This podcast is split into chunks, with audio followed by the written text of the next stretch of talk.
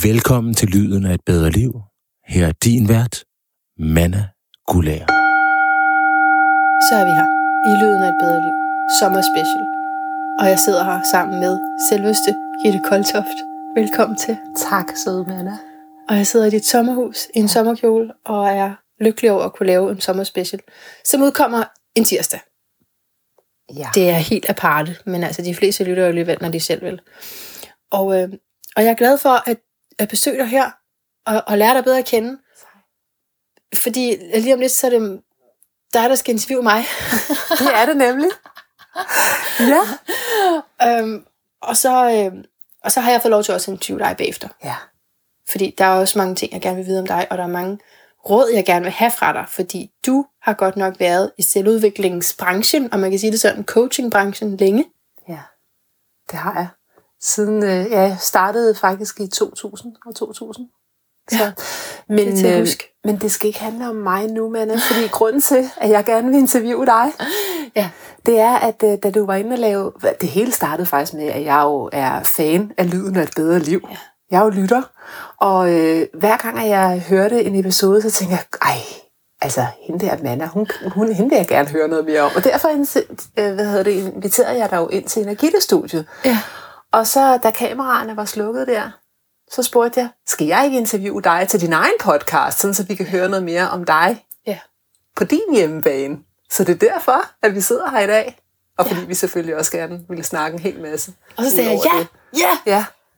Ja, fordi det er det fedeste emne, det er at snakke om sig selv. det er det. Det synes alle vi er narcissister. Og jeg, jeg er vild med titlen Lyden af et bedre liv. Ja. Hvordan fandt du på den titel? Altså, hvordan gik det fra yoga-podcasten til Lyden af et bedre liv? Ja, se, det var jo en, noget af en rejse, ikke? For det Mm. startede med at handle meget om sundhed, og hvordan kan... Ved du hvad, jeg havde faktisk talt lidt dårlig samvittighed over at undervise i yoga, og samtidig have et medmisbrug. Et madmisbrug? ja, Nå, det er noget af det, jeg, jeg er meget åben om, at jeg har altså, perioder, hvor det har været ekstremt svært for mig at holde mig fra, fra junk, altså slik især. Ikke? Og, øh, og så, så jeg havde dårlig samvittighed over det, og det fik mig til at, at starte med sådan, at, altså, at interessere mig for, hvad er det egentlig, jeg skal? ja. Okay, jeg er ikke religiøs længere, men hvad er det så, jeg skal her? Ja. hvad er reglerne for, når man vil være sådan en yoga en, ikke? Og det åbnede sig så til, fordi det handler jo om alt muligt så lige pludselig. Det handler om hele livet, det der med at være yogi. Ja. Så du tager udgangspunkt i, hvad er det, hvordan er man sådan en yogi? Ja, Det er mere end yoga. ja, Det er, hvad man spiser, hvad man tænker. ja. Min første spørgsmål var til Louise Brun, hvor jeg sådan kom med den der personlige interesse i, og jeg ville rigtig gerne have, at hun sagde, man, kunne, man kan også lave yoga uden at spise sundt. Det havde jeg håbet. Og det gjorde hun ikke, eller hvad? ikke rigtigt. Øv. ikke rigtigt. Så, øh, så det var jo fint nok, at så var jeg jo nødt til at også interviewe nogle flere. Ja, ja. Indtil jeg fik et andet svar. Nej, det, jeg fandt faktisk ud af, at det, det omhandler alle livsområder, det her med at, at leve sundt. Ja. Ikke? Fordi hvad er det her sundhedsbegreb? Det er enormt bredt, og det kan også føles som en utopi, og noget, man, man aldrig helt har nået. Ja. Øhm, så, så, det var, så det var faktisk fordi, at yoga ledte mig hen på livsfilosofi. Ah, spændende. Som noget, der kan nære mig mere, end Ja. Ja. gøre de her tre ting, og så kan du have god samvittighed. Ja, ja. Og den der gode samvittighed kunne jeg jo godt tænke mig at dykke lidt mere ned i, fordi det er jo, der er jo også en historie, jeg hører i det, du fortæller, der hedder, at man kan ikke dyrke yoga, medmindre man er sådan en, der også spiser helt vildt sundt. ja. Hvor, hvor kommer den historie fra? Altså, hvorfor skal man være perfekt for at dyrke yoga, eller hvad? Nej, det er jo netop det, man ikke skal. Nej. Men, men jeg tror bare netop, fordi jeg underviser i det, så bliver jeg så nervøs for, om andre sådan, tror de så, at jeg er det hele, fordi det er jeg jo ikke. Og jeg har mm. også en trang til, og det er faktisk noget, jeg, hver gang jeg står i en anden rollemodelsituation, jeg tror, jeg ikke, det slipper på det nu, ikke? men mm. det, det kan godt dukke op, når jeg står i sådan en rollemodelsituation, at, at, at jeg føler, at jeg skal være noget, noget andet, end det jeg er. Ja, Fordi de skal kunne se op til det. Ja. og hvis de ser lasterne, så er det jo ikke så heldigt. Og øh, så, så det har jeg arbejdet med, og har arbejdet mig frem til, at man kan faktisk godt være en meget ærlig udgave af sig selv. Ja, det er jo det, jeg synes, din podcast kan, blandt ja. andet. Altså, det er jo det, du er god til, det er, at du tør at være sårbar, og du tør at sige, at jeg har det svært med det her. Og jeg tror netop ikke, at der er brug for, at øh, man først kan undervise i noget, når man er perfekt. Fordi der er ikke nogen af os, der nogensinde bliver perfekte. Så vi gør alle sammen det bedste, vi kan med de ressourcer, vi har. Ja. Og når du tør at sige, jeg har det svært ved det her, så kan vi andre spejle os i det. Ja. Og så har du nogen inden, du kan stille nogle spørgsmål, som ved en masse om de her forskellige emner. Ikke?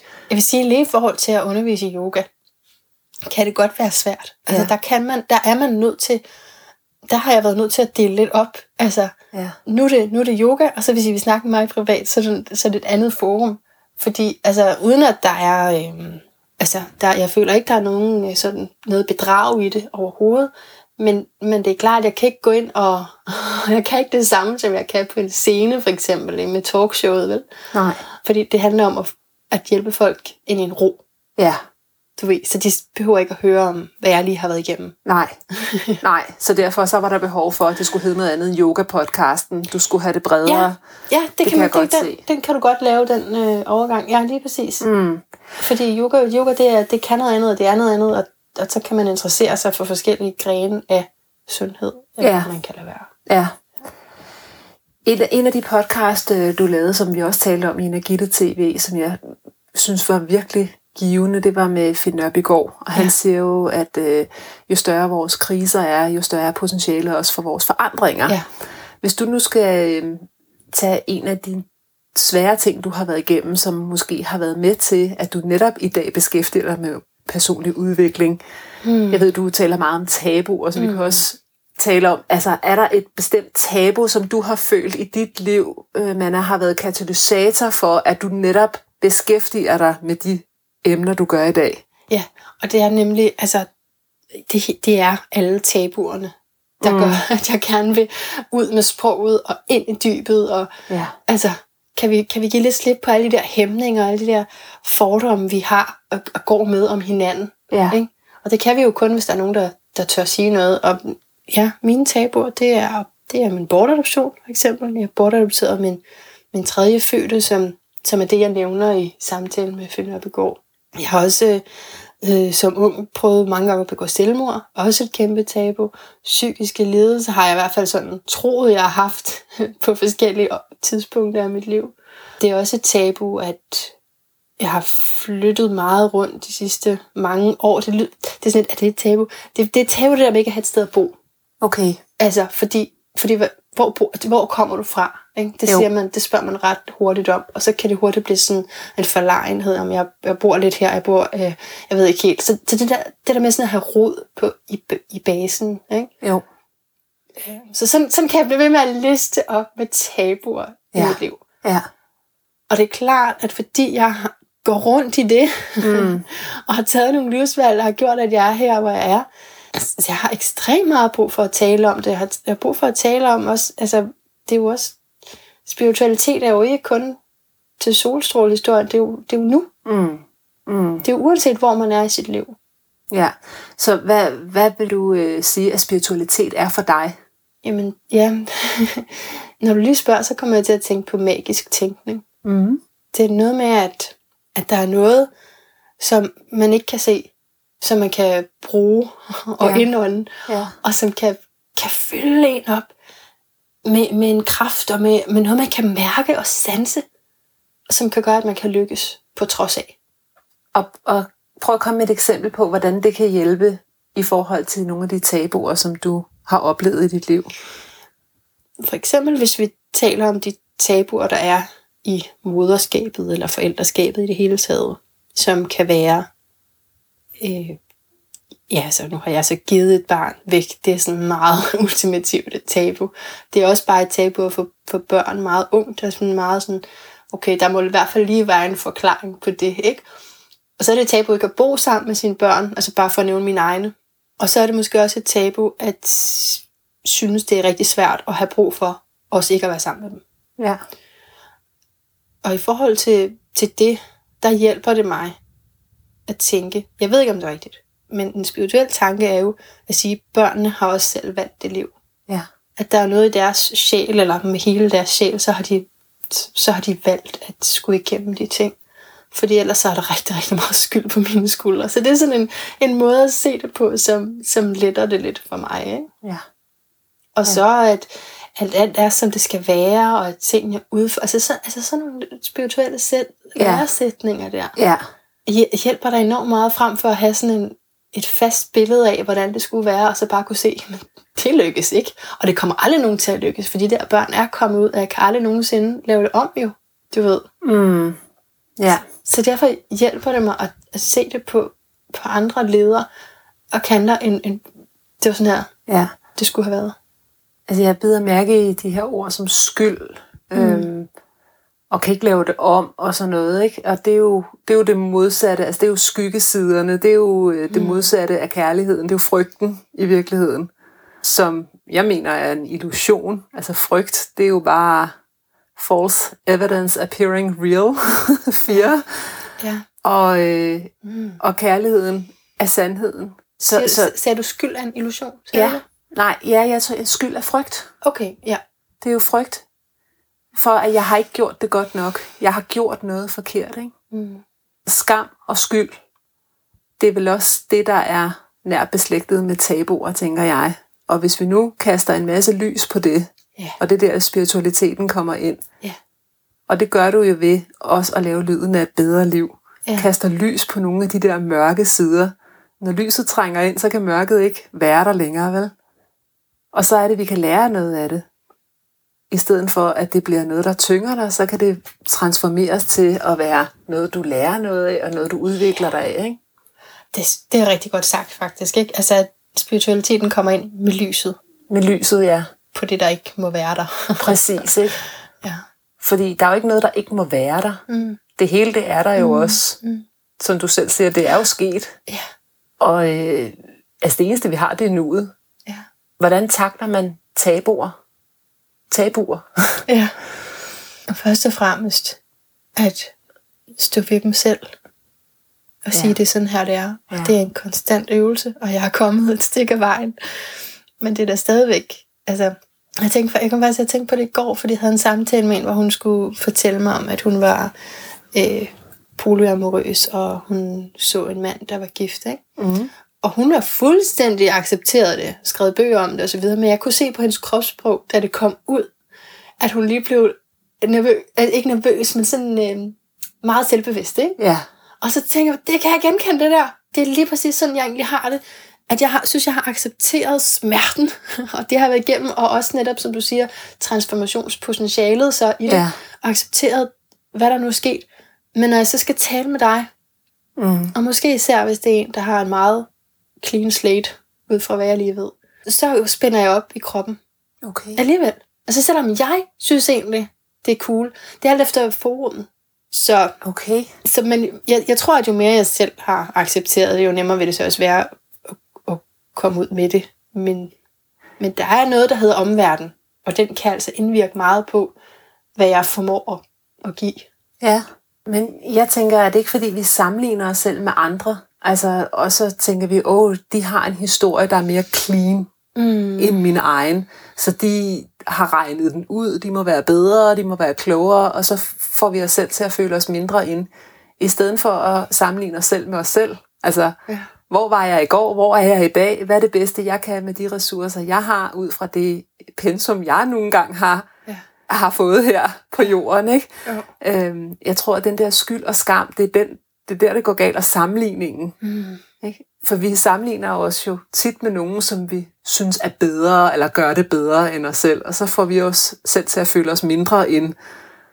Men kan Øh. du sidde over for hvem som helst og, og fortælle om det, du sådan, ja, noget rigtig svært, du har gået igennem, Mm, uden at det påvirker dig fysisk? Altså for mig kan, ja. at- kan jeg godt have fysiske sådan, spændinger i kroppen. Jamen, jeg, Jeg kender, jeg, jeg tror, vi alle sammen kender til den der følelse af, at der er et eller andet, de der skyggesider, dem vil vi jo helst ikke vise frem, vel? Fordi det er jo netop det der, det er jo derfor, det er skyggesider, det er jo de ting, man helst vil gemme væk. Ja. Øhm, så det, og det tror jeg bare, vi alle sammen kender. Men det, jeg oplever, når jeg coacher, og har gjort det i så mange år nu, det er bare, at alle mennesker har en historie med medgang og modgang. Ja. Sidevind Præcis. og modvind og medvind. Præcis. Så Ja. Du fortæller måske dig selv en historie, Manna, om, at ah, men jeg har også øh, det og det tabu. Jamen, alle har tabuer. Ja.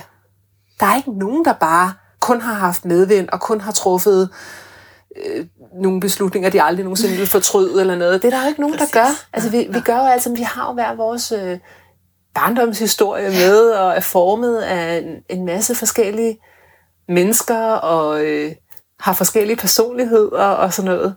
Så jeg tror bare, det handler om hele tiden at, øh, at, at lade være med at sammenligne sig selv med andre. Ja. Ja, præcis, og det er jo så befriende at høre dig tage det på den måde, ikke også? Det er det jo virkelig, fordi det, det er jo netop derfor, jeg, jeg går så meget op i tabu og siger, kom lad os oplyse den, lad os, lad os ja. tale om det, fordi jeg ved, der, det folk har, så er det bare noget andet. Ja. Måske en mildere version, måske en mere ekstrem version, men, men der er et eller andet, ikke? Men jeg kan, jeg kan huske en gang, at jeg var på et øh, seminar i USA, det er mange år siden, det var starten af nullerne, og der sagde underviseren til os, husk nu, at når I deler jeres historie med de andre på seminaret, så er der ingen, der dømmer jer. Alle sidder og tænker, hvor kan jeg ikke genkende til det, hun fortæller lige nu i mit eget liv. Ja. Så det, der sker, når du deler, at så har du bortadopteret din, øh, dit, dit, dit barn der, ja. Jeg dømmer dig ikke. Jeg sidder og tænker, hvor kan jeg ikke genkende til den følelse, Ja. Manna beskriver Ja. i mit liv. Ja. Og derfor så tror jeg, at det er så powerfult, at vi kan spejle os selv i de mm. der historier, sådan så tabuerne de kan blive transformeret til historier, vi kan spejle os i. Så vi kan sige, at vi alle sammen, vi kender til de samme følelser. Vi har nogle forskellige historier, men vi alle sammen kender til følelsen af, jeg er ikke god nok, jeg har ikke gjort det godt nok. Du, du kan ikke finde et eneste menneske, der ikke kender den følelse. Og det er det, vi har til fælles. Så jeg tror i virkeligheden, at, og det lyder sådan lidt sjovt det her, men faktisk er det lidt egoistisk at tro, at folk bruger så meget tid på at tænke på vores tabuer, fordi ja. de tænker meget mere på dem, dem selv. Ja. De er meget mere optaget af, hvad sker der i mit liv. De er hovedpersonen i deres liv. Så du tænker måske, gud nej, de går og tænker, at ej, Manna, hun har ikke noget sted at bo, eller hun har, øh, whatever, ikke? eller hvad det nu er, du kan have en eller anden mm. historie, ikke? Mm. Men de har jo travlt med deres eget liv. Ja, altså for det første vil jeg sige, at jeg er så glad for, at jeg har mødt dig. Fordi jeg, altså, fordi jeg er jo jeg er så enig, og det er så dejligt, og det varmer mig helt vildt, at du har den holdning. Skal ikke begynde at græde. Jeg begynder selv at græde. Det gør jeg heller ikke. det er okay. Du, det er bare detox, Nana. Det er følelsesmæssigt detox med tårer. Det er super. Ja. Oh, nej, men, nej, men det, det er jeg virkelig glad for. Og så vil jeg bare til at sige, at det, det er desværre ikke alle, der er sådan. Altså, men, og jeg er enig i, at det, det, man skal ikke vikles ind i den der, åh, hvad tænker de? Fordi det, der var jeg især lige efter bortadoptionen. Der er jeg ikke længere.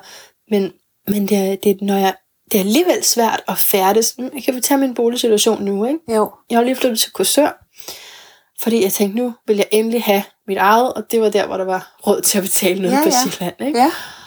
Og, øh, og det har jeg været rigtig glad for. Og så var jeg jo så i medierne her med øh, på de her forskellige aftenshows med bortadoptionen, at, Ja. at det var det valg, jeg havde truffet, og ultrakorte interviews om det. Ja, det er lidt svært, når man sidder i sådan et Det var, ja, god det var aften, god morgen show der. Du har to minutter til at fortælle det hele. Ja, fuldstændig. Ja. Men det havde øh, hendes, en af hende, som jeg kan man sige, ejler, udlejer af, eller en som en vigtig person i, i det her ja. udlejningsting, set, eller som jeg bor med også. Det er lidt svært at forklare lejeforholdet. Og øh, vi havde så en meget, meget frygtelig samtale i telefonen, hvor hun sagde, at det, det her var altså ikke noget socialt boligbyggeri, og jeg havde jo løjet for hende, da jeg flyttede ind. Jeg havde jo faktisk et barn mere, og hvorfor?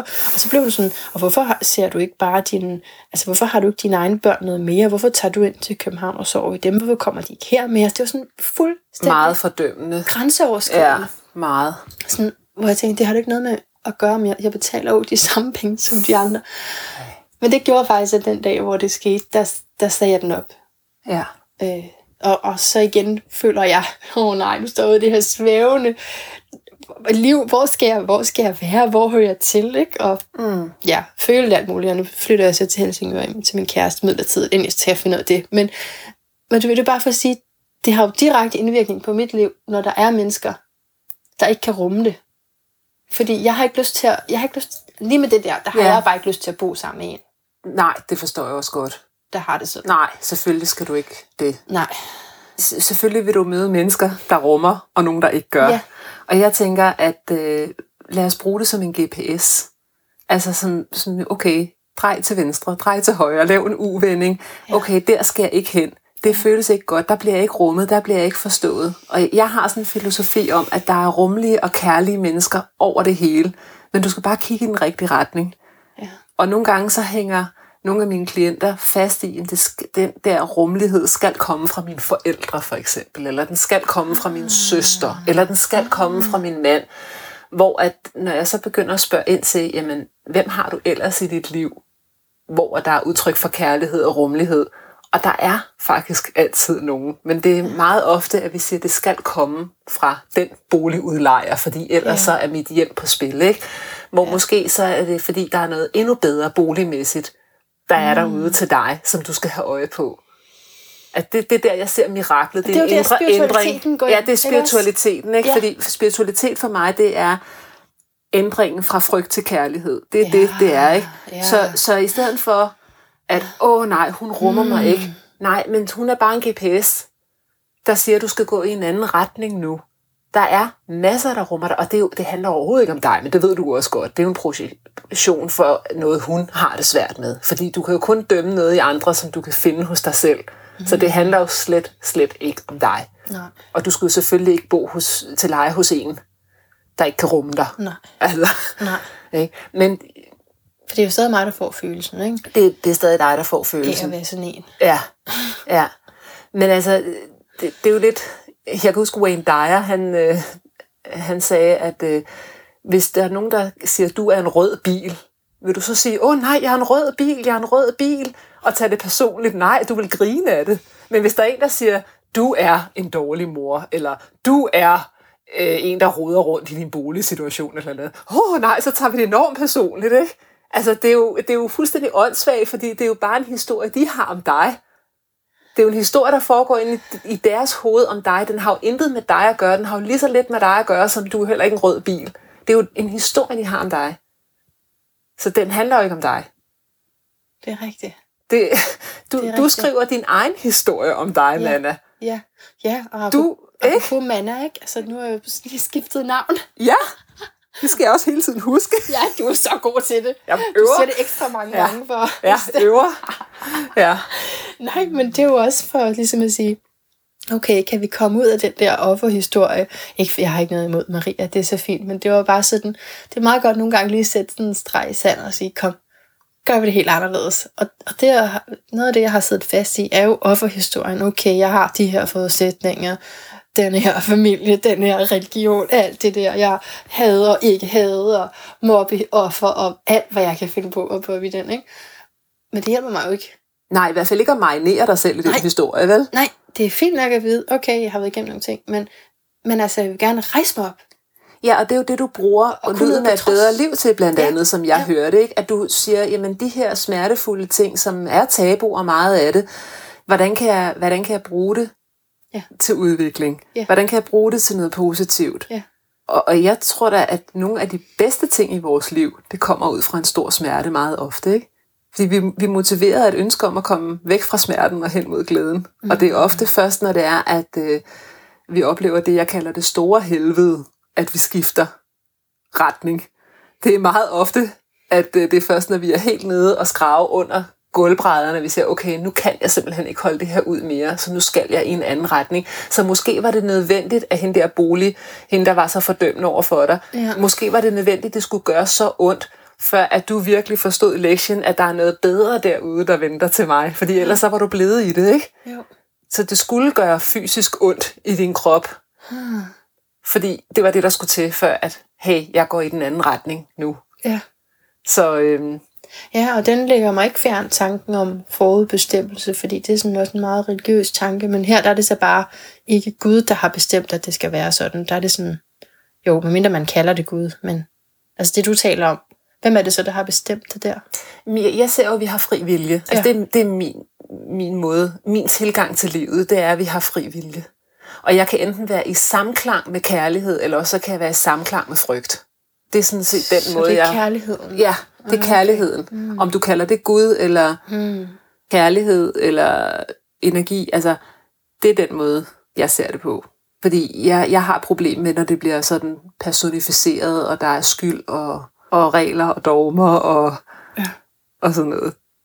Det virker ikke for mig. Nej, det er noget helt andet. Ja, Det er noget helt andet, og jeg har også fundet dybder i spiritualiteten, som jeg overhovedet ikke er færdig med. At, altså, jeg føler slet ikke, at jeg sådan er, er udlært i det, at kalde mig spirituel endnu. Det er bare sådan en søgen i hvert fald. Ikke? Øh, men jeg har fundet en anden dybde, fordi det er også naturen, ja. altså er spirituel og åndfuld. Ja. Og der kan du connecte og, og mærke og sanse, hvor at, at jeg er meget fra sådan et kirkemiljø. Jeg har været i forskellige former for kirker, og den seneste her, hvor var inde på Bremen Teater, der, der er ikke så meget natur, vel?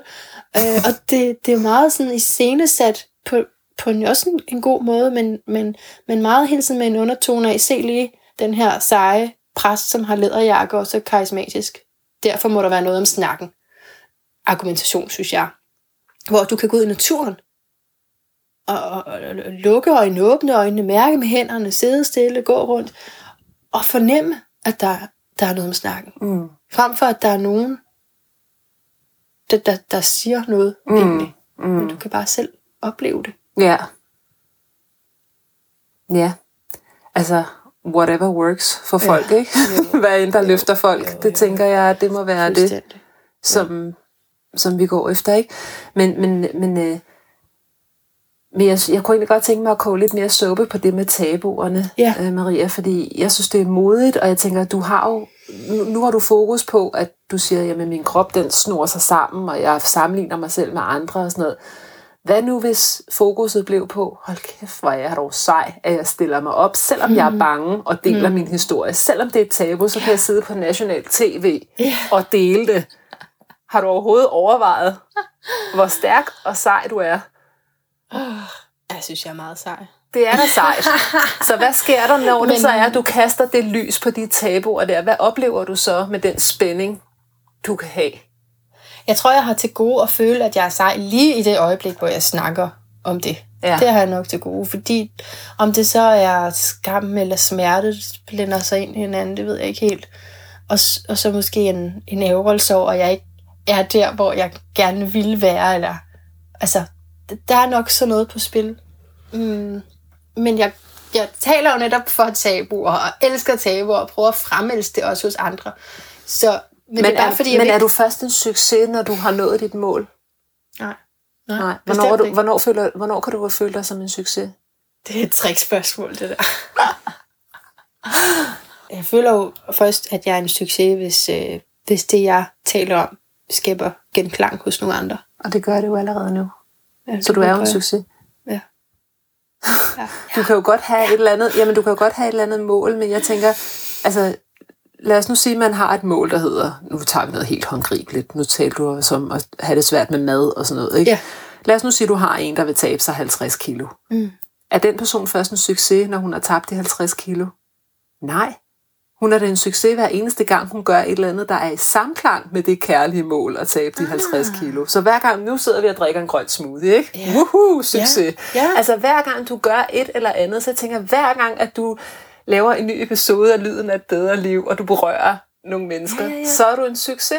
Ej, det kan jeg godt lide. Hvor er du god. Lad os prøve at omdefinere den, ikke? Det kan jeg godt lide. Hver gang du kaster Jo, jo, jo. lys på nogle af de tabuer, Ja, ja.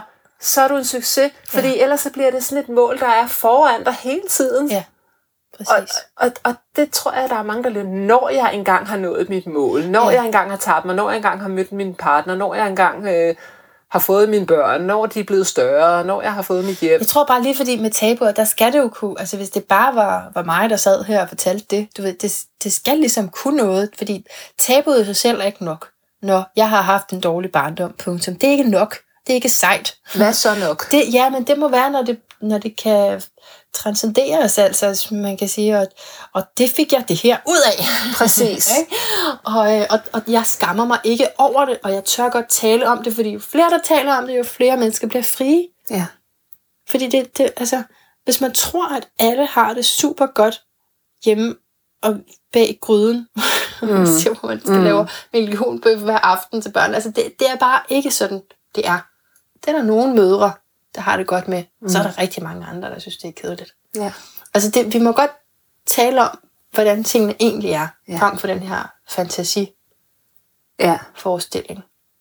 Som Ja. man så, så skal leve op til, og som der så bliver, så bliver man stigmatiseret, når man ikke passer ind i det. Det kan være alt lige fra arbejdsløshed til psykisk sygdom til fængselsdomme, hvad ved jeg? Altså, Ja. Må vi ikke gerne tale om tingene, og hvordan livet egentlig har været for os? Jo, det må vi gerne. Jeg tror, du hjælper rigtig mange ved at tale om det.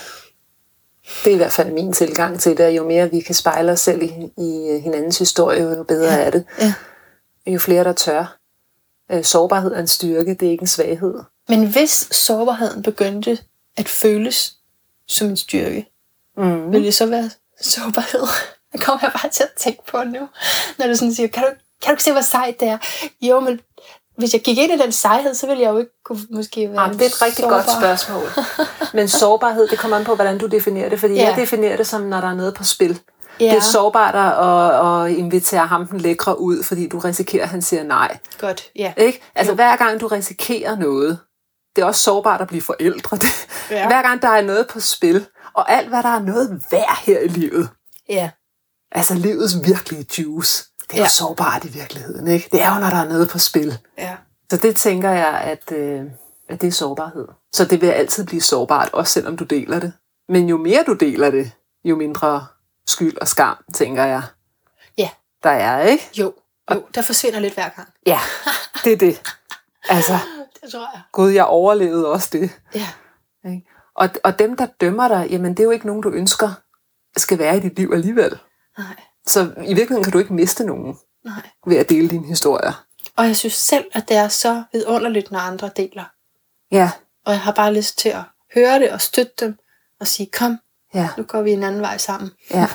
ja. Fordi det, når du fortæller for eksempel om, om din historie med at, at, at blive forældre øh, så tidligt i dit liv og sådan mm. noget. Jamen, jeg blev først mor, da jeg var øh, 33, ikke? eller 32 var jeg vist. Øhm, men jeg kan alligevel godt spejle mig i noget af det. Altså ja. det der med, at øh, ens liv bliver lavet fuldstændig Ja. om, og hvor krævende det er, og alle, alle de der ting, som der ikke er særlig mange, der tør mm. at tale om. Så selvom din historie ikke er direkte min historie, så kan jeg godt spejle mig i den alligevel. Det skal man også kunne. Det er altså, det. det er jo ikke en til en. Det er jo det. Ja. Og det er derfor, jeg synes, det er vigtigt, at vi får mange forskellige historier. Ja. ja.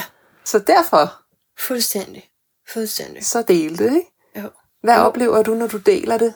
Oplever du så, at du har fokus på, på hylekoret, de to, der er negative, eller? Det er et meget ledende spørgsmål, kan du høre det? Eller husker du at fokusere på de, mange, på de 98 procent, som siger, ej, tusind tak. Du er god til nudging. øhm, Jeg sagde, det var ledende spørgsmål, ikke?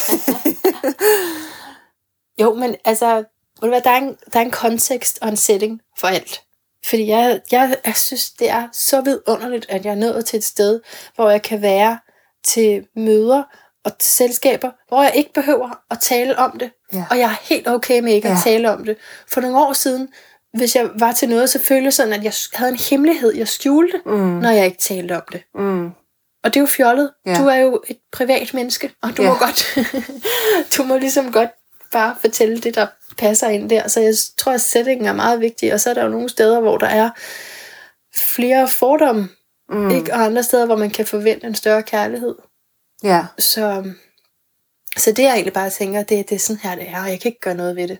Og hvis, hvis de stiller mig et spørgsmål, et sted, hvor jeg ikke havde tænkt, jeg skulle snakke om det, men det er det, der, men jeg er nødt til at svare ærligt, så kommer det også ud. Ja. Så er det sådan, det er. Ja. Og så må vi, så må vi tage den derfra, alt efter, hvordan de, hvad de så siger til. Og nogle gange, så bliver der t- pinlig tavshed, ikke? Jo.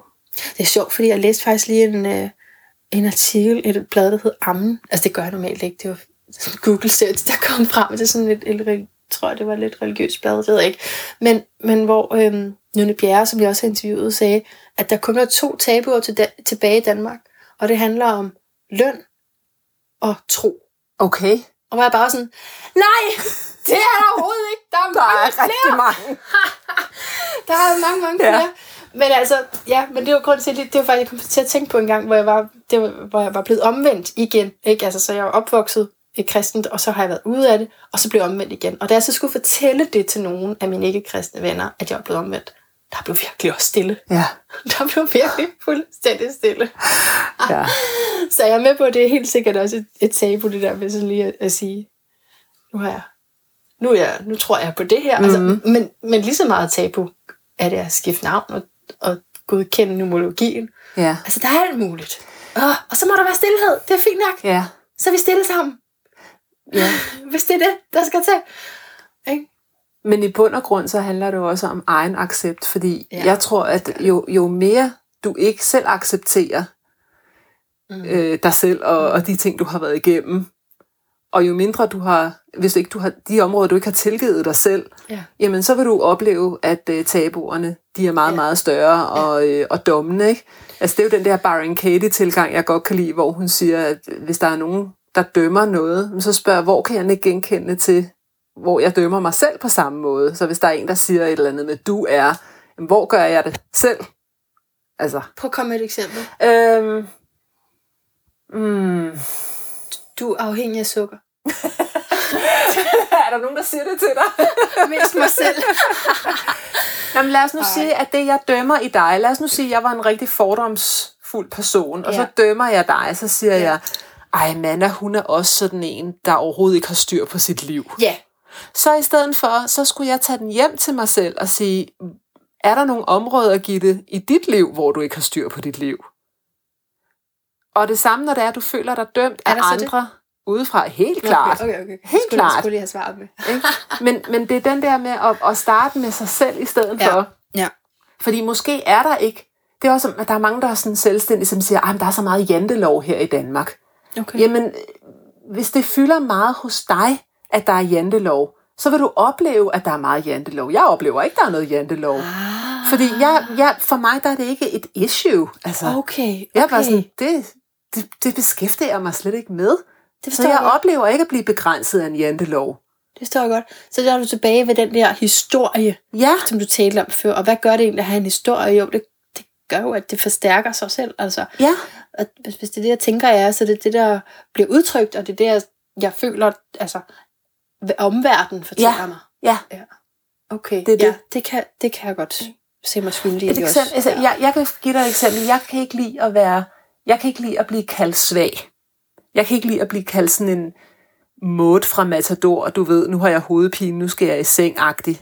Og derfor så havde jeg svært ved at fortælle offentligt, at jeg lider meget af migræne. Mm. Fordi jeg vil ikke være sådan en. Så jeg følte, at der er et tabu, der hedder, man må ikke være svag, man må ikke være sådan en modagtig. Ja. Man skal have masser af drive og energi og, Ja. og være ambitiøs og sådan noget. Det var Ja. min historie. Flot. Og det endte faktisk med, at jeg skrev en hel bog om migræne. Ja. Fordi da jeg så ejede den selv, at jeg er både det, og jeg er også det andet. Jeg er Ja. både Maud, og jeg er Flot, også Agnes. flot. Wow. Kan du Flot. se, hvad, Ja. hvad, hvad jeg mener med, Ja. at når du virkelig tager den hjem og Ja. siger, jeg er det hele. Ja. Jeg er fuldstændig fabelagtig, jeg er mega kikset, nogle gange er jeg stærk, nogle gange føler jeg mig svag. Øh, nogle gange har jeg helt vildt ondt, og nogle gange har jeg ikke. Ja. Og, og jeg kan rumme det hele. Og når jeg kan sige det, så føler jeg faktisk heller ikke, at andre mennesker dømmer mig. Jeg føler ikke, at øh, det er sådan, ej, skal du nu hjem i seng igen? Helt ærligt. Nej. Efter jeg selv har Du taget den hjem. Jeg ejer ejer den. nu og siger, ja, jeg er en, der engang imellem bliver nødt til at gå rigtig hjem. flot. Det er rigtig flot, og det er det, der gør sig gældende, når vi føler noget er tabuiseret, tror jeg. Det er netop, at der er sådan et, et omrids ved siden af, jeg forestiller mig som sådan en firkant ved siden af det, der er.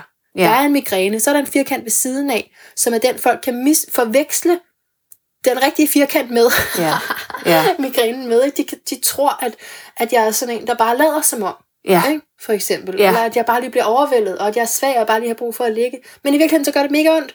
ja. Og, og, og det er det, der hele tiden er, synes jeg, med, med, med alle mulige livsting, der er, altså, Og, man for mig, hvis de, sådan- og hvis de tror, at jeg er sådan en svag en, der bruger det som en undskyldning, ja. så må de egentlig også godt tro det.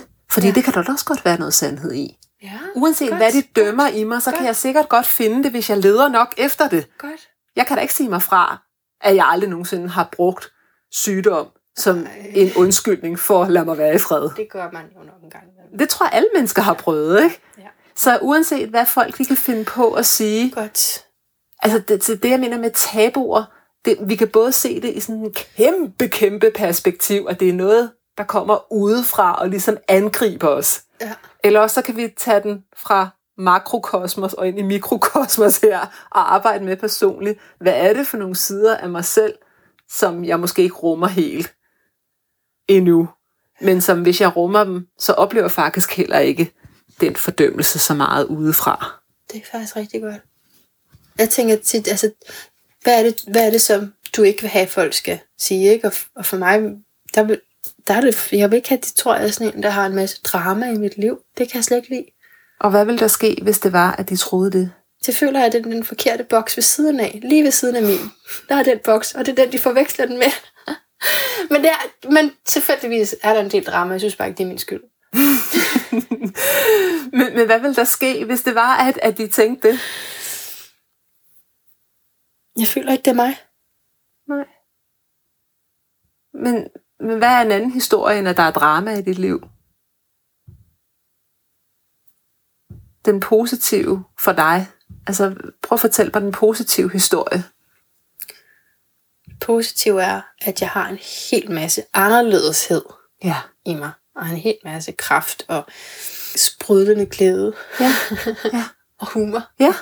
som jeg gerne vil igennem med, og hvor, som jeg gerne vil udfordre de etablerede systemer med. Mm. Og så har jeg jo efterhånden fået kontakt til en hel del forskellige øh, teknikker til at finde indre ro Ja. også. Ja. Og, og sådan noget, det kan jeg, men det clasher bare tit med det ordinære, og det som man ligesom skal være god til at manifestere materielt. Men man skal være god til at For manifestere at, for at have et sted at bo, for at kunne forsørge sin Ja, børn. men det er jo igen, det er jo ikke andet end en historie. Det er jo fordi, du sammenligner dig selv med andre. I stedet for at sige, hvad løfter mig? Hvad virker for mig? Jeg skal tisse nu. Ja. Det er meget belejligt, lige når det bliver rigtig hit for mig. Hvis nu jeg tisser, ikke? Ja. Og så kom vi tilbage, og så var det dig, der blev interviewet. Hvad siger du til det? Jeg er frisk. Ej, hvor det godt. Ja. Gitte Koldtoft, Ja. nu skal vi tale om dig. Ja. Ej, hvor jeg glædet mig til det. Jeg har været inde og læse dine sidste par blogposts. Sådan i hvert fald de fem sidste. Øh, Og de er meget overkommelige. Man kan sagtens fortsætte. Så hvis man øh, sidder med noget, så kan man lige skrive koldtoft.dk-blog. Er det ikke sådan? Du kan bare gå ind på koldsoft.dk, Koldsoft.dk, og så så finder du det på forsiden. Ja. Øh, fordi de er meget korte og meget nemme at læse. Hvilket, er virkelig fedt, fordi lige nu så gennemgår du et kursus i mirakler. Det gør jeg nemlig. Jeg sidder faktisk med den her bogen. Ja. Ja. Og, øh, og det er det er meget inspirerende og, og, og kort og godt. Hvorfor er du egentlig så optaget af et kursus i mirakler? Og har du altid været det? Det har jeg, det har jeg gang, været eller? fra jeg startede hele den her rejse inden for personlig udvikling og spiritualitet. Det startede øhm, i starten af nullerne, Ja. hvor at øh, jeg lyttede meget til Marianne Williamson og var på nogle seminarer øh, hos hende i USA. Og øh, hun underviser med udgangspunkt i det spirituelle skråstreg psykologiske skrift, der hedder Et kursus i mirakler. Mm. Og det øh, består jo af daglige øvelser, så du kan tage 365 dage på et år, og der er en øvelse til hver dag. En meditation kan man også kalde den, okay. og en tekst, der hører til. Så den, den, har, den har jeg simpelthen, øh, det har været den form for spiritualitet, der har sådan tiltalt mig rigtig meget. Er det hver dag, du poster ind på bloggen? Det har det været, men øh, jeg har faktisk fået så ondt i mine fingre, fordi jeg skriver så meget. Okay. så jeg holder lige en pause nu og prøver at lade være med at skrive så meget. Men øh, ja, det, øh, det er næsten hver dag, at øh, jeg skriver en blog om, det, jeg, øh, om det, jeg selv læser. Og så tænker jeg, okay, hvor kan jeg bruge det her i mit eget liv? Eller hvor har jeg erfaret et eller andet, der passer på den her sætning? Eller Ja. ja. den her lektion? Og, øh, og så skriver jeg lidt om det. Noget af det, der, der står inde på din blog, det er det her med, med vejledning frem for kontrol. Ja. Og at alt starter med en hensigt. ja. Øh, det er jo sådan noget, det der, der ramte mig. Det lyder sådan lidt løsredet nu, ikke? Man er nødt til selv at læse det. Men, Ja. men frem for at vil styre krampagtigt en situation, Ja. Jeg er det sådan, det skal forstås vejledning frem for kontrol? jamen, jeg øver mig på at leve det, jeg kalder et hensigtsbaseret liv. Ja. Det vil sige, at inden jeg gør noget, så spørger jeg mig selv, hvad er min hensigt? Og det er, inden jeg poster noget på Facebook, eller holder et foredrag, eller skriver en blog, eller hvad jeg gør, så spørger jeg altid mig selv, hvad er din hensigt med det her? Øhm, og, og jeg forsøger, at min hensigt, den er kærlig altid. Altså, ja. at det, et, et kursus i mirakler handler rigtig meget om, at egoet, det er ikke den sande virkelighed. Altså EGO, det står for Etching God Out, kan Ja. man sige, som Wayne Dyer sagde. Ikke? Ja. Eller Etching Good Out, hvis Ja. det er, at du ikke tror på Gud. Som han sagde, forskellen på good og God, det er det lille O, det er et nul. Ikke? Så Ah. det er det samme. Okay, men, ja. men, men det handler rigtig meget om ikke at lade sig styre af egoet. Ja. Og jeg har lavet, jeg er sådan, altså der står også et kursus i mirakler, at egoet taler højst, og det taler længst tid. Så egoet vil gerne have ret, egoet er ambitiøst, egoet er tilknyttet et bestemt resultat. Og personlighedsmæssigt er jeg meget ambitiøs. Jeg har altid sat mig mål, du ved, og jeg vil gerne opnå det og det. Og jeg forsøger faktisk at give slip på det, fordi jeg kommer til at drive mig selv for hårdt. Og jeg har fundet ud af, at det ikke er den mest opløftende måde at leve på for mig. Det er meget mere opløftende fra blok til blok, fra foredrag til foredrag, hvad end jeg producerer, og sige, hvad er min hensigt med det her? Min hensigt er at give det her budskab. Okay, jamen, så er det det, jeg har fokus på lige nu, i stedet for at være tilknyttet et bestemt resultat, hvis det giver mening. Det giver rigtig meget mening. Så, så min hensigt er ikke at være i samklang med frygt. Altså hvis jeg gør det her, fordi jeg tror, at der er nogen, der vil bedre kunne lide mig, eller jeg får så og så mange likes, hvis Du jeg gør jo- det, eller sådan noget, et så skal jeg ikke eksempel. gøre det. Du giver et eksempel på bloggen med tilmeldinger ja, og, og penge, ikke? ja, Og de to, det er jo sådan nogle, man meget hurtigt falder i som Ja. selvstændig. Der skal ligesom komme nogen, og jeg skal også kunne tjene noget. ja. Så det er ret stærke eksempler, synes jeg på. At Det det, det skal man give slip på. Ja, og give, altså, give slip på det der, og så hvis du hele tiden beskæftiger dig med det, der egentlig løfter din egen energi, så skal det nok også løfte nogle andres energi. Ja. Så ikke at have så meget fokus på, at jeg er først en succes, når jeg har så og så mange deltagere, når jeg har tjent så og så mange penge og sådan noget, men simpelthen have tillid til, at hvis du hele tiden arbejder øh, i samklang med kærlighed, og din hensigt hele tiden er at være kærlig. Og det hjælper mig også, hvis jeg er ude og holde et foredrag, og jeg får to negative tilbagemeldinger. Lad os sige, der har været 50 mennesker, der var to, der var sure. Ikke? Jamen, så kan jeg gå tilbage til, min hensigt det var at løfte deres energi. Min hensigt var at give dem de her simple værktøjer. Og hvis de så ikke har taget imod det, så har jeg i hvert fald gjort mit bedste. Ja.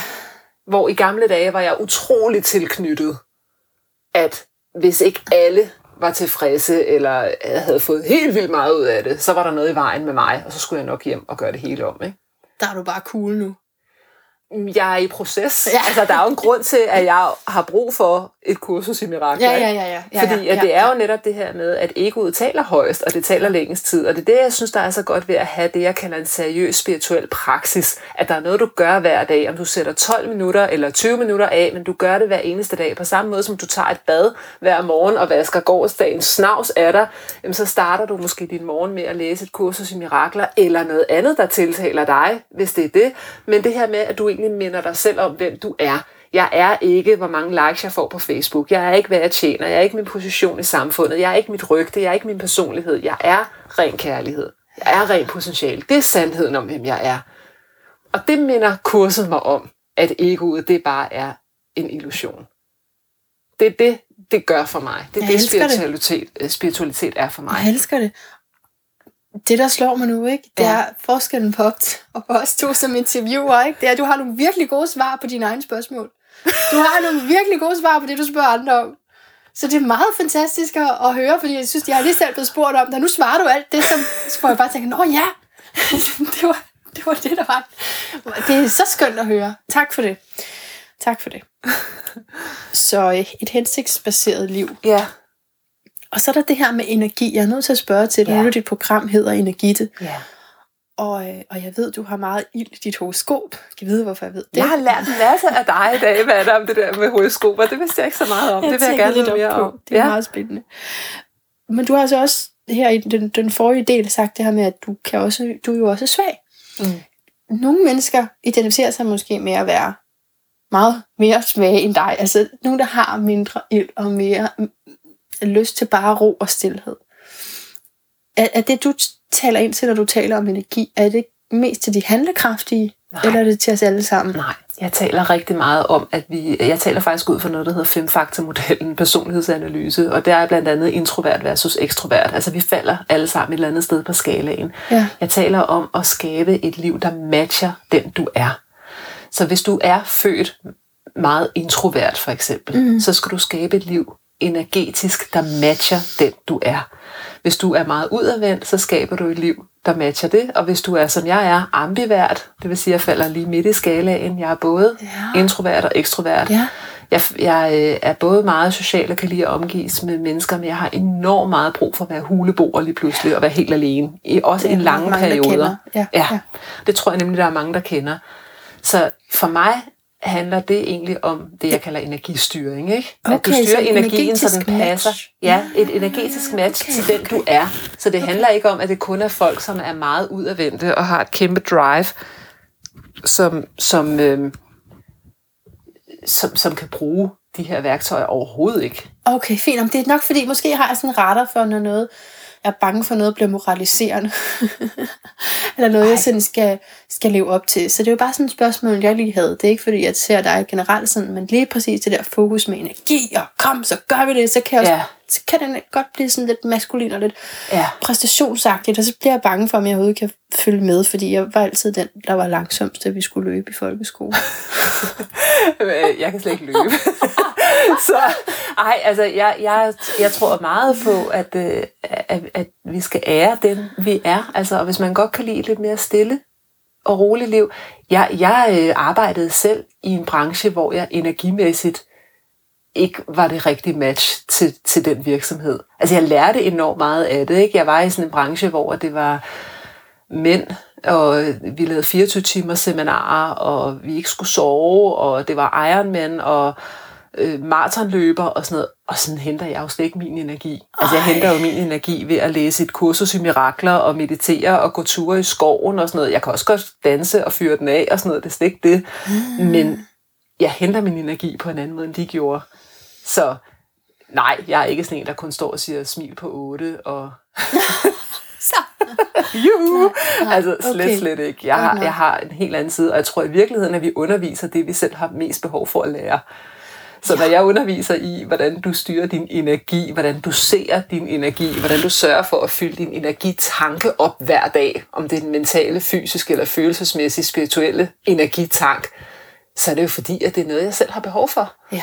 Fordi når jeg ikke gør det, og netop fordi jeg har meget ild i mig, Ja. så kommer jeg til at træde på speederen og glemmer nogle gange bremsen.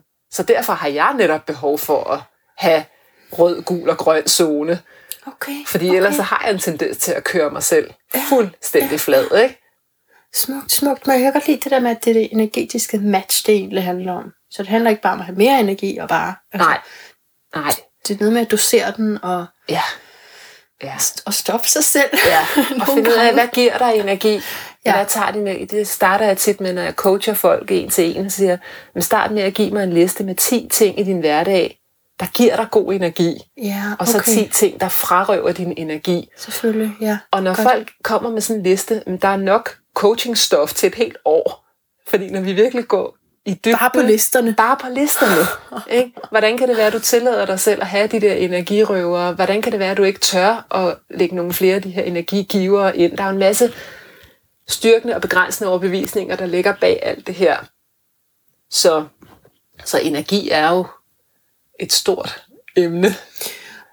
Du har jo du har også, nu snakker vi om, hvordan yoga-podcasten er gået til livet og det liv. Du startede vel også, og er i hvert fald stadigvæk inden for, for sundhed. Men har, altså, kan man sige, du har bevæget dig fra, fra det, bare det rent sundhedsmæssige til, til at kalde det energi, eller hvad? Ja, jeg kan bedre lide ordet energi faktisk, Ja. fordi jeg tror, sundhed, der associerer folk det med gulerødder og regler løbeture, ikke? igen. og regler, Ja, ja. hvor at energi, det, det synes jeg, det passer bare bedre til det, jeg laver egentlig, fordi det er også en, det er meget spirituel energi og følelsesmæssig energi, og det er jo ikke, det er jo ikke kun det fysiske. Det fysiske nu tester jeg det det lige. glatte. Nu tester jeg det lige.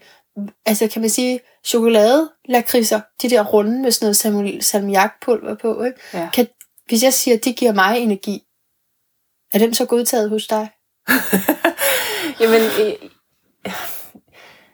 jeg, tr- jeg tror, der er forskel på, øhm, jamen, hvis det giver dig god energi, og du har god samvittighed, når du spiser det, og, øh, og du ikke får nogen bivirkninger af det, så er det vel fint nok. Der er lige et par stykker. ja. Ja. Men det er jo klart, at jeg, jeg vil egentlig sige, at energi det er jo vibrationer. Og hvis det har høj vibration for dig, så er det jo fint nok. Så øh, du bliver jo ikke usund og tyk og energiforladt af, af chokoladeknapper, men du bliver der for mange chokoladeknapper, kan man sige. Ikke? Så det er jo igen det der med at finde balancen for den enkelte. Jørgen, han går overhovedet ikke op i sund kost, Din min mand. mand, og han har ikke en sygdag. vel? Altså, Nå, han, okay. manden er aldrig syg. Motionerer han? Ja, det gør han godt nok. Han cykler ja. meget. Men han går slet ikke op i det på samme måde. Nej. Så, hvor, og jeg går op i grønne smoothies og alt det der. Så det Ja. der med sundhed, jeg tror, det er, jo, det er jo andet end kosten, men alt, hvad vi gør, det påvirker vores energiniveau. Og vores energiniveau, det påvirker også alt, hvad vi gør. Så jeg tror på, at de steder, hvor jeg kan sætte ind med kosten og motionen og sådan noget, det betyder ikke, at, øh, at, at jeg aldrig nogensinde spiser noget usundt eller noget som helst. Det er jo slet ikke det. Okay. Altså, men jeg kan godt lide at have nogle sådan daglige ritualer, så jeg ved, okay, jeg får den der grønne smoothie hver dag. Ja. Og, og jeg kan Noget, også godt lide, at, ja, jeg kan også godt lide, at uanset hvor meget migræne jeg har, så ved jeg, at jeg får gået 10.000 skridt. Altså, jeg har sådan nogle ting, Mm, okay. som, ligesom, jeg skal have fyldt de der energibeholdere op hver dag. Ja. Fordi det betyder noget for min livskvalitet, mm. når jeg gør det. Og når jeg ikke gør det, så får jeg det bare dårligere. Men det er jo interessant, at, at du lægger ud med at sige, så længe man ikke får dårlig samvittighed. Fordi var der noget, der trækker ned, trækker ned på vibrationsskalaen, ikke? så er det vel dårlig samvittighed. Og jeg spiste faktisk en is med min kæreste den anden dag, efter lang tid, hvor jeg ikke... Jeg har virkelig prøvet, ikke? Man kan læse om det på min blog. og det er ikke kønt, noget af det. men, øh, men så, så tillod jeg, okay, det var mega varmt, vi spiste en is. Og så tænkte jeg, hvor er det godt, jeg ikke har dårlig samvittighed. Og så tænkte jeg bagefter, kan vide om den tanke om, at det er godt, jeg ikke har dårlig samvittighed, er, er en eller anden form for skygge. En lille Mm. afskygning af en stadigvæk dårlig samvittighed over det. Kan du følge mig? Ja. For når jeg behøver at tænke, Ja. jeg har ikke dårlig samvittighed, jeg har slet, slet ikke dårlig samvittighed, Ja. så er det nok måske en Altså, men jeg mener bare, det, der er en sandhed i det. I Jamen, jeg tror, energien bag, altså ja. energien bag det der med, spiser du broccoli, fordi du godt kan lide det, og du får god energi og god fornemmelse, eller spiser du broccoli, fordi du er bange for at blive syg? Ja. Der er jo to forskellige energier bag de to, så energien bag det, du gør, altså okay. jeg tror, alt ja. starter i vores bevidsthed i virkeligheden. Det er jo vores tanker. Det er jo Det skriver du også om. Ja, det er vores tanker. Ja. Det er der, det hele det starter. Og, og det er jo, og, og vores tanker, vi har jo det der ego. Og det vil jo gerne øh, bilde os ind, at vi er det, andre mennesker synes om os, og mm. vi er det, vi tjener, og vi er vores position i samfundet og så videre. Ikke? Og, og så er det, at vi begynder at spænde op i kroppen. Og du havde faktisk selv et, et, et utroligt spændende interview med, hvad var han hedder, Bjørn? Øh, ham kropsterapeuten. Ja, ja, ja. Bjørn Herold. Ja. Super interessant. Han sagde det jo, han, han, altså det lød næsten som om han havde studeret et kursus i mirakler. Det ved jeg ikke, om han havde, men det lød næsten sådan, når han Sikkert. talte. Ikke? Ja. Men han sagde jo også, at det hele det jo starter jo i tankerne. Ja. Alt, hvad der bliver manifesteret i kroppen. Jeg er også sikker på, at migrænen, det er da også noget med mine tanker at gøre. Jeg har så ikke lige knækket koden til det endnu, men jeg, men jeg øh, lever hele tiden Og så er det så det der med, at det handler ikke om at, at ændre tankerne, men måske, hvad vil du sige, ændre klimaet, som tankerne er i, eller op, få mere opmærksomhed på, hvad det er, der bliver sagt inden i dig. Jeg tror, det handler om at være bevidst om det, fordi Ja. ja. du kan ikke styre dine tanker. Altså, Nej. øh, tanker opstår. De kommer jo ligesom sorte skyer, der, de kan komme og gå. Så øh, ikke at gøre sig selv forkert på grund af, når man oplever negative tanker, men lad være med at være tilknyttet de tanker. Ligesom se dem som i agtagerne og sige, okay, den her tanke, den føles ikke særlig godt lige nu. Og det er det, kursus i mirakler gør. Så skaber du et mirakel, så siger du, jeg er villig til at se den her tanke på en ny måde. Og så er det, at du går fra frygt til kærlighed. Så det handler ikke om, at man ikke må have frygtbaserede tanker, fordi det kan du faktisk ikke beslutte dig for.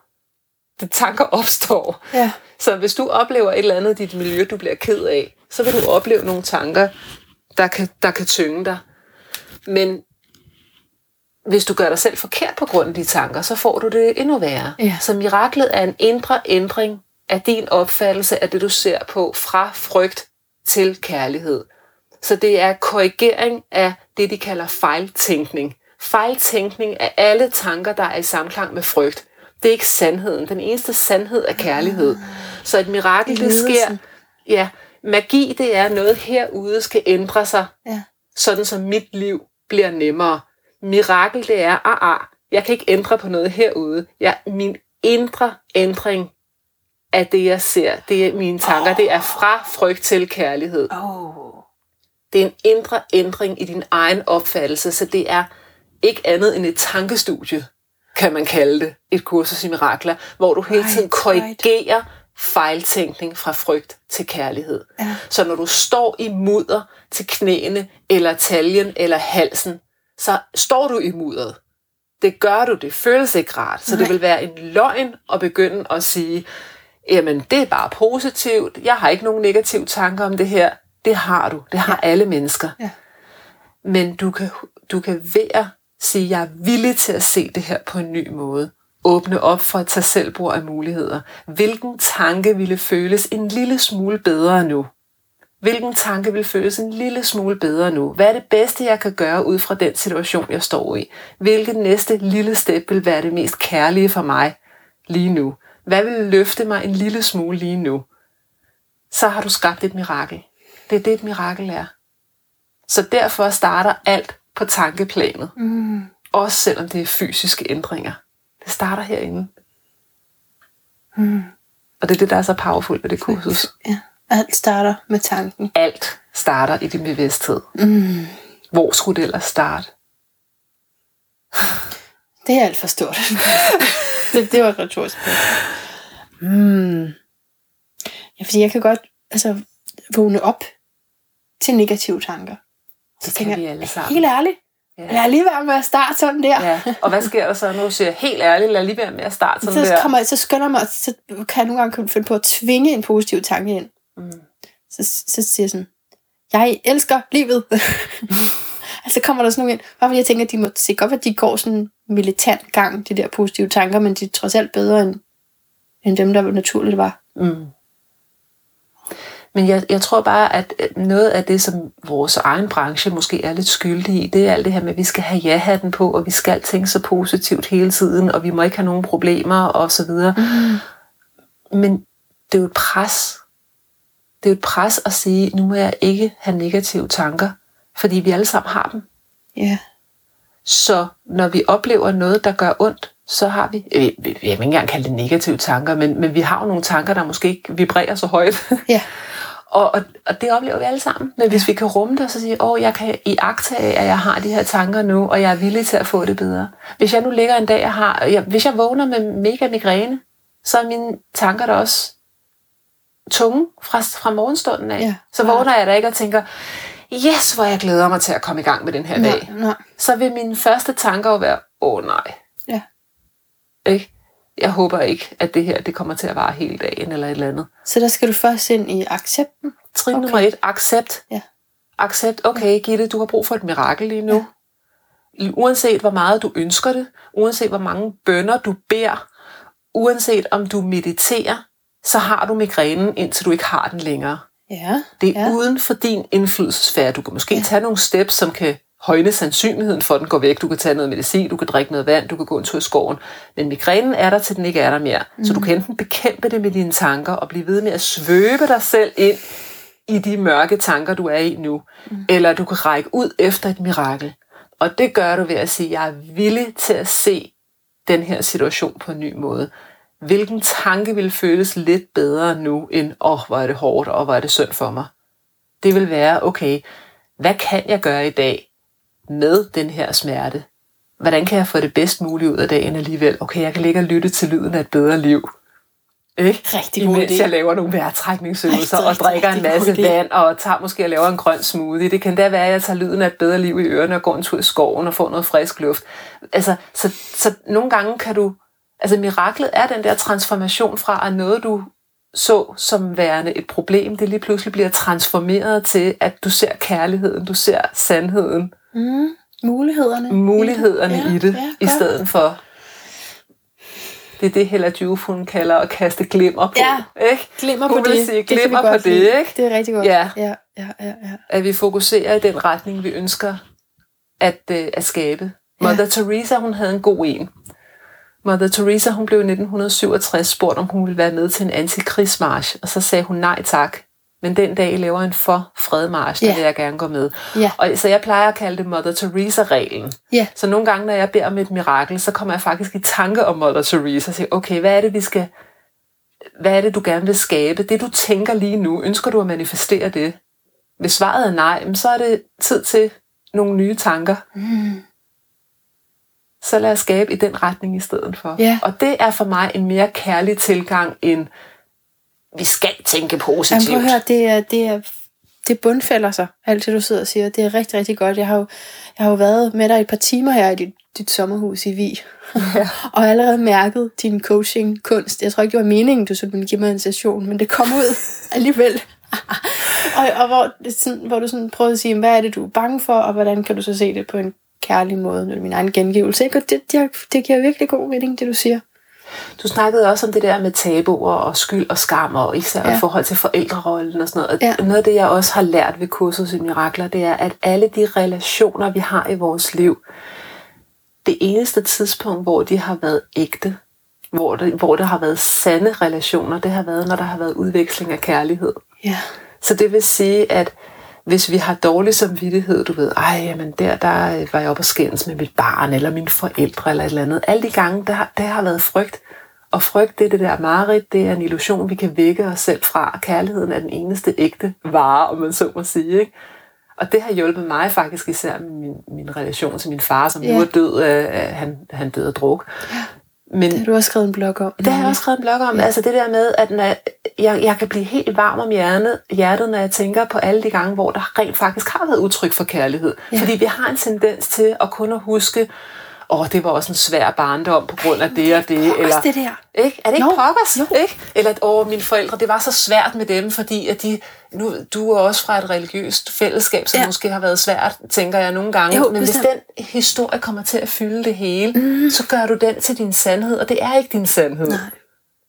Du har en historie, du er ikke den historie. Lad os blive lidt ved den sandhed, for det, det jeg kan ikke huske, om det er samme blogindlæg, men på samme blog i hvert fald skriver du om at undervise fra et sandt sted. Ja, Et sandt og et kærligt sted. ja.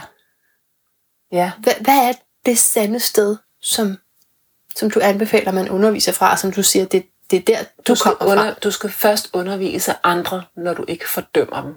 Mm. Så vi skal have alt det der skyld og skam væk med det. Ja. Det, det tynger kun. Vi kan ikke bruge det til noget. Når du siger, at alle underviser, du siger, det gør vi jo alle sammen. Hvad, hvad, hvordan mener du så med, at alle underviser? Jamen, det kan være, at du ikke er coach eller øh, foredragsholder eller laver workshops, men så er du en rigtig god veninde. Ja, Du hjælper din veninde, når hun ringer og har det hårdt.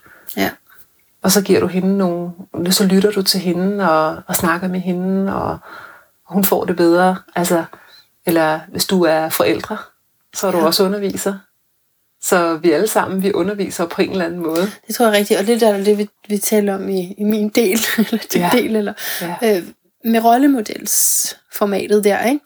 som man jo kan, kan sige om sig selv, men altså, eller lade være, men, men som man uundgåeligt kommer i, hvis du står op foran nogen. Mm. Så vil folk kigge Mm. lige en ekstra gang Mm. på dig. Ikke? Jo, Og så er det noget med at hvile i, hvad man er. ja. Helt klart. Helt klart. Men jeg tror jo heller ikke på den der med, at man skal være perfekt, før man kan Nej, undervise andre. vel? Præcis. Altså, det er Nej. vi alle sammen. Vi har jo vores, ikke? Jo, og det er det, at du kan sige, at jeg træner det her. Og det her Præcis. med migrænen, fordi det vedkommende er stadig et mysterie. Altså det, Ja, det, det der jeg gør har det ikke knækket den kode, og det er ikke Nej. sikkert, at jeg knækker den. Mm. Jeg havde Pernille Antoni øh, inde i Energitte-studie. Hun, øh, hun studerer også et kursus i mirakler, og hun sagde nogle gode ting til mig. Hun sagde, Gitte, den der migræne skal ikke fixes. Nej. Du skal simpelthen bare give slip. Der er ikke, du, du er ligesom du skal være. Du skal bare have fokus på at kaste glimmer på, for at bruge Hella Juice udtryk igen, ja. kaste glimmer på alt det, der løfter dig energetisk. Ja. Og så bliver det andet opløst helt af sig selv, ikke? Men det er den der, nu skal jeg fikse det, ja. og jeg er først en succes, når jeg har fundet koden til det. Ja. Og det er også mig, der gør det forkert, ikke? Åh, altså, hold da op. Ud med den. Ud med den. Ja. Og, og, når, og når den dukker op, for det gør den, Ja. fordi det er egoet. Når den dukker op, så brug det som en katalysator for. Jeg plejer at sige, at det er sådan en klokke, der ringer og siger, Gitte eller Manna, nu er det tid til at lave mirakelarbejde. Sådan så alt det, der føles tungt og smertefuldt, det er en klokke, der ringer. Det, det, der, det, det, det må godt være der. Det er en klokke, der ringer. Og hvad skal jeg, når det ringer ind? så skal du sige, nu skal jeg til at lave mit kærlighedsarbejde. Nu skal jeg til at skabe et mirakel. Så den siger, hey Manna, den der historie, du fortæller dig selv Ja. om, at uh, du er bange for, at der ikke kommer nok deltagere på dit seminar, ikke? Ja. Ring, ring, kom. Hvordan vil miraklet lyde her? Ja. Jeg er villig til at se det her på en ny måde. Hvilken følelse, hvilken tanke vil føles lidt bedre? ja. Og hvad er min hensigt? Hvad er min hensigt med det her? Ikke? Ja. Hvad, alle de tanker, jeg har, hvad, hvad er egostyret, og hvad er min sande sjæl? Hvad løfter mig virkelig? Ikke? Hvad begejstrer mig? Mm. Få sorteret i de der ting. ja. Og det er det, kurset hjælper i. Men det, det, er ikke, det er ikke for alle kurset. Og det er også, Nej, okay. Jeg kan godt lide at skrive de der blogs, og gøre det, jeg kan godt lide at tage noget, som måske nogen synes er meget kompliceret. Ja, Men jeg er nørder bare- helt vildt igennem på det. Ikke? Jo. Og så kan jeg godt lide at gøre det så simpelt som overhovedet Ja, muligt. sådan. Fordi Ja. ja. budskabet i kurset er meget simpelt, men det er ikke det er skrevet i en kristen terminologi, og det, er ret, det kan være meget tungt. Ja, ja, ja. Så, øh, så jeg kan godt lide at gøre det sådan meget, du ved, give folk nogle sætninger, de kan bruge. Ikke? Ja, ja, det kan vi godt lide. Ja, Og det er du rigtig god til, Energi det Koldtoft. tak. vi, altså, jeg føler lige, vi startede, ikke? men uh, tiden er ja. Mere end gået. Ja. Så, uh, så tusind tak, fordi at jeg måtte interviewe dig, og du gad at høre lidt om mig. Selvfølgelig. Selvfølgelig. Altid. Jeg ved ikke, om vi har sådan en fælles lyd af et bedre liv. Det har vi ikke aftalt. Nej. Hvad er din lyd af et bedre liv?